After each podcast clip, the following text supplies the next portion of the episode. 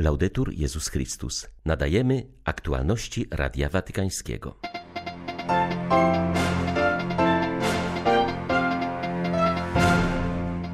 Papież powiedział dzisiaj, że święty Józef potrafił dostrzec w Maryi i Jezusie nie tylko młodą narzeczoną i dziecko. Zawsze widział w nich Boże działanie i Bożą obecność.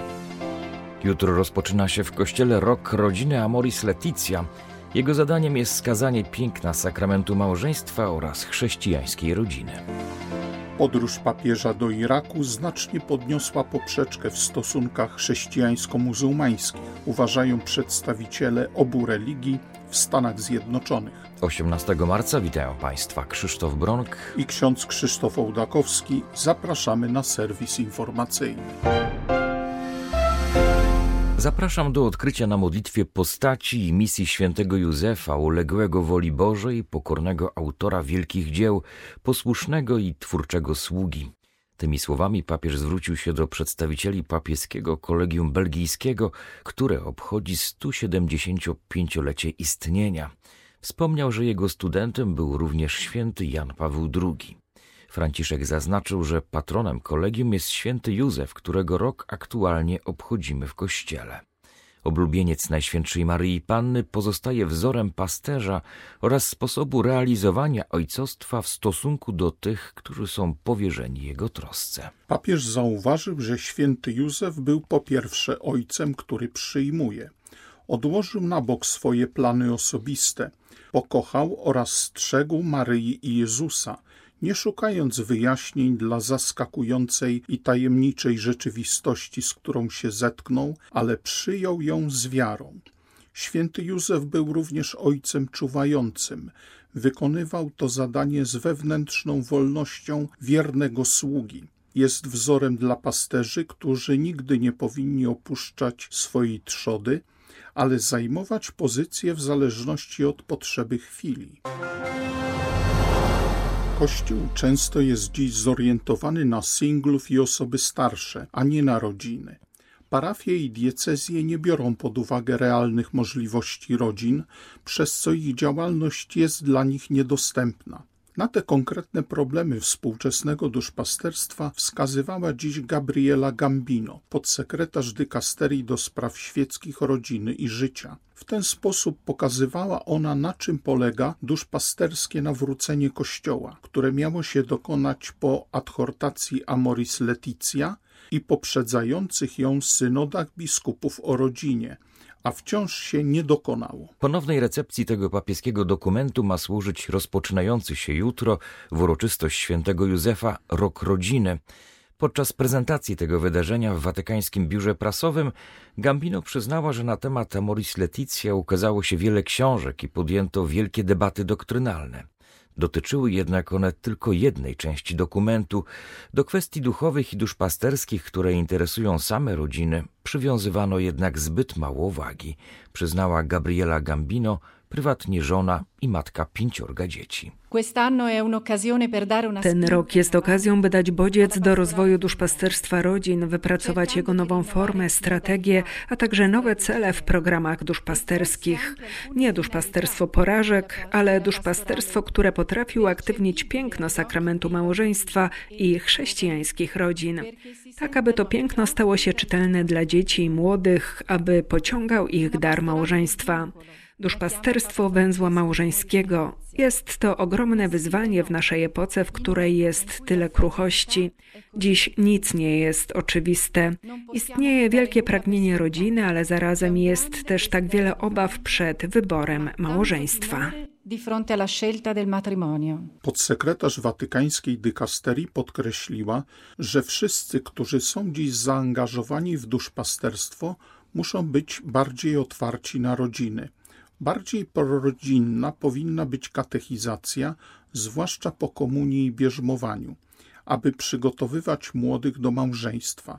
Podkreśliła ona, że młodzi odchodzą od kościoła Nie dlatego, że nie są nim zainteresowani, ale dlatego, że nic im się nie proponuje. Gabriela Gambino zapowiedziała, że dykasteria do spraw świeckich, rodziny i życia będzie udostępniać w tym roku różne materiały, w tym filmy z udziałem papieża i rodzin. Liczy jednak, że najważniejsze rzeczy będą się działy na szczeblu lokalnym, w diecezjach, ruchach i stowarzyszeniach. Prawie dwa tygodnie po wizycie papieża w Iraku, podczas której spotkał się on m.in. z wielkim ajatollahem al-Sistanim, kardynał Wilton Gregory, metropolita Waszyngtonu i imam Said Kashmiri spotkali się wirtualnie, aby porozmawiać o owocach tej pielgrzymki. Obaj podkreślili, że podróż Franciszka do Iraku znacznie podniosła poprzeczkę dla przywódców religijnych w relacjach chrześcijańsko-muzułmańskich. Kardynał Wilton Gregory podkreślił, że Franciszek wyraził w ten sposób pragnienie bliskości z cierpiącymi irackimi chrześcijanami. Odwiedziny były konkretnym sposobem zakomunikowania, że ich cierpienie ma znaczenie, zauważył purpurat. Irak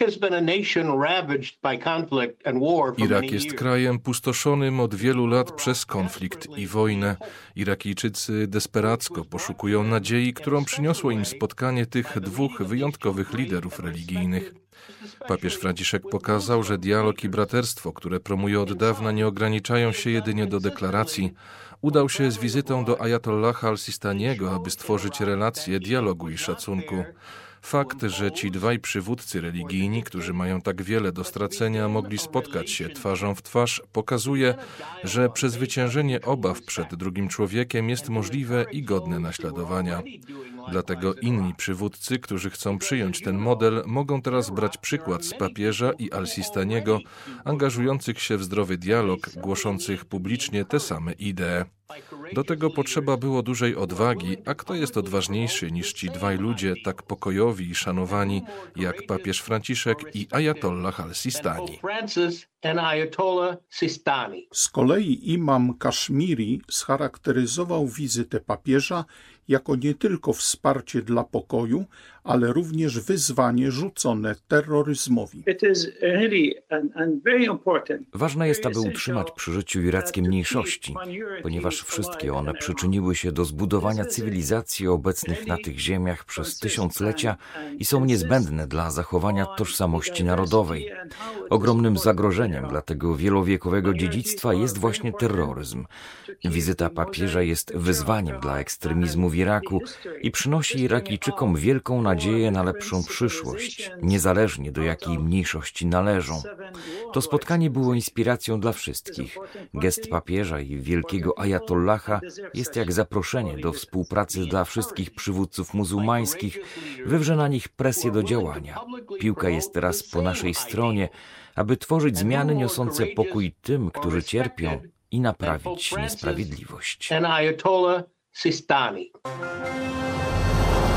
Papież Franciszek upoważnił kongregację spraw kanonizacyjnych do promulgowania dekretów potwierdzających heroiczność cnót kilkorga sługu bożych. W tym gronie oprócz jednego arcybiskupa i trzech kapłanów znajdują się kolejne trzy siostry ze zgromadzenia sióstr ubogich z Bergamo, które w 1995 roku poniosły śmierć w Demokratycznej Republice Konga, posługując chorym podczas epidemii eboli. Wszystkie siostry można uznać za męczenniczki miłosierdzia. O świadectwie ich życia mówi Radiu Watykańskiemu postulatorka w ich procesie beatyfikacyjnym siostra Lina Dele Canclini. To niezwykłość w życiu codziennym. Widzę w nich oddanie bezwarunkowej miłości od pierwszego dnia ich misji w Kongu. To było pełne poświęcenie w codziennym życiu, niezwykła zwyczajność, która doprowadziła do działania, do poświęcenia się w taki czy inny sposób, gdy wybuchła epidemia eboli. Pierwsza siostra zmarła, gdy chorzy byli przewożeni do szpitala, bo wirus już się rozprzestrzeniał a ona spieszyła wszystkim na pomoc. Personel odradzał jej to, mówił, że to coś poważnego, że się wymiotuje i traci krew. Odpowiedziała, że jej obowiązkiem jest pomagać chorym. Wtedy przełożona, prowincjalna i druga siostra przyjechały, aby pomóc siostrom, które były zmęczone i same potrzebowały wsparcia. Inna siostra, która była w Kinszasie, słysząc o rozprzestrzenianiu się wirusa, powiedziała, że zna to miejsce i chciała przywieźć lekarstwa. Personel w Kinszasie prosił ją na kolanach, aby nie odchodziła, bo tam jest śmierć. Ale ja odchodzę, odpowiedziała i wyszła śpiewając, a potem umarła. Oznacza to, że śpieszyły się tak, jak śpieszyły się każdego dnia, każdego wieczoru, każdej nocy, aby pomóc każdemu choremu, nawet pacjentom z wirusem Ebola.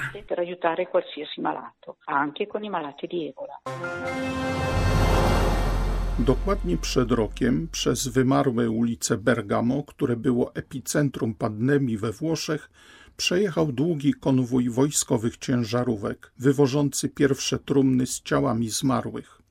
Zawieziono je na kremację do innych regionów, ponieważ w tym mieście z powodu stale rosnącej liczby zgonów nie było już miejsca. Właśnie w rocznicę tego wydarzenia, które wstrząsnęło opinią publiczną na świecie, Włosi obchodzą Dzień Pamięci o ofiarach epidemii koronawirusa. Ten dzień jest tym smutniejszy, gdyż prawie cały kraj ponownie przeżywa twardy lockdown, a liczba zarażonych stale rośnie. Ten Dzień Pamięci jest okazją do modlitwy za naszych bliskich, którym często nie mogliśmy towarzyszyć w ostatnich chwilach, mówi ksiądz Angelo Riva, który sam stracił ojca. Wspomnienie tych ciężarówek, na których było również ciało mojego taty, wciąż wywołuje we mnie dreszcz przerażenia. Ten dzień pamięci to sposób pożegnania tych tak wielu ofiar, oddania im hołdu i spojrzenia na nasze życie w perspektywie zmartwychwstania. Niestety rozbrzmiewający dziś we wszystkich diecezjach Włoch głos pogrzebowych dzwonów przypomni nam, że wciąż biją one dla kolejnych ofiar. Wiele rodzin nadal przeszywa ból spowodowany koronawirusem. Chciałbym, aby te dzwony były dla nas wezwaniem do jeszcze większego miłosierdzia. Nie możemy zamykać się jedynie we własnym bólu. Jest tak wielu doświadczonych ludzi, którzy potrzebują dziś kogoś, kto ich wesprze w nadziei.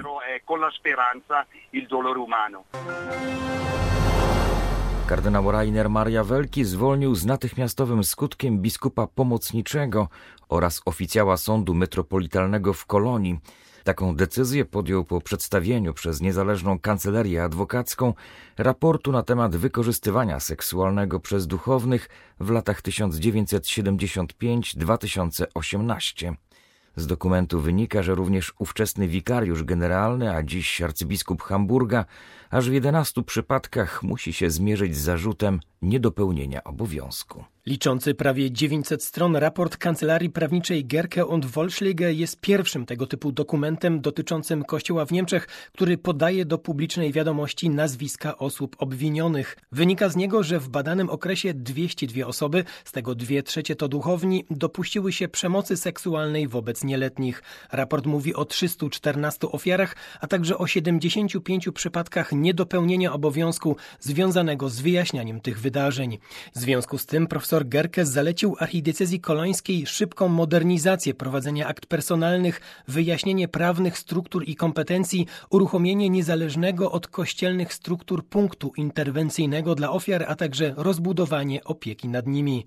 Opublikowany dzisiaj raport jest drugim dokumentem wyjaśniającym kwestię wykorzystywania seksualnego nieletnich zleconym przez ordynariusza kolonii. W ubiegłym roku kardynał Wylki wstrzymał publikację pierwszego, tłumacząc to błędami metodologicznymi. Niemieckie media zarzuciły mu wówczas tuszowanie. Również ten pierwszy raport ma być niebawem udostępniony osobom poszkodowanym i dziennikarzom. Dla Radia Watykańskiego z Berlina Tomasz Kycia. Były to aktualności Radia Watykańskiego. Laudetur Jezus Chrystus.